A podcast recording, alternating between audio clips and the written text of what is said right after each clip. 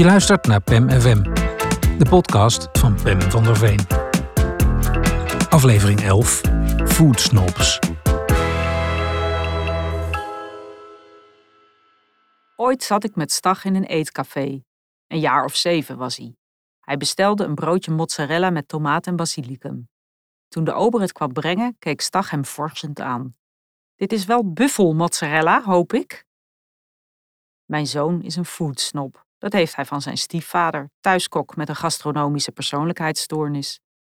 Jaren geleden op een Franse camping verorberden ze samen een half pond ganzenleverpaté.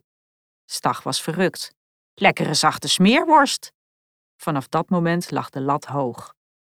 Als kleuter merkte hij op dat hij het zuurtje in de komkommersla miste.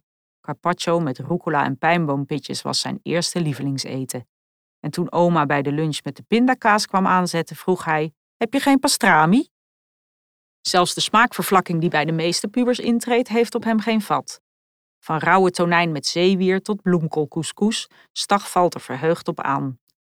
Eten er vriendjes mee, dan kijkt hij niet begrijpend toe hoe die wantrouwend in hun in zuur gegaarde vis zitten te prikken. Hou je niet van ceviche? roept hij verbaasd.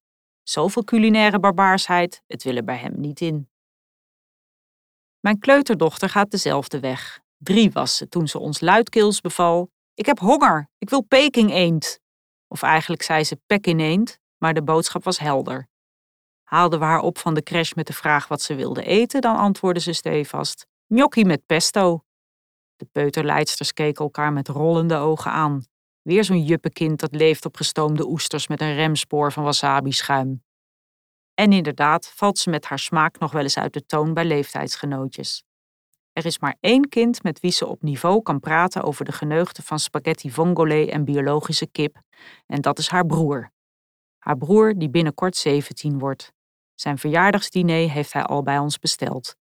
Gestoomde courgettelinten met basilicummousse en een krokantje van parmezaan.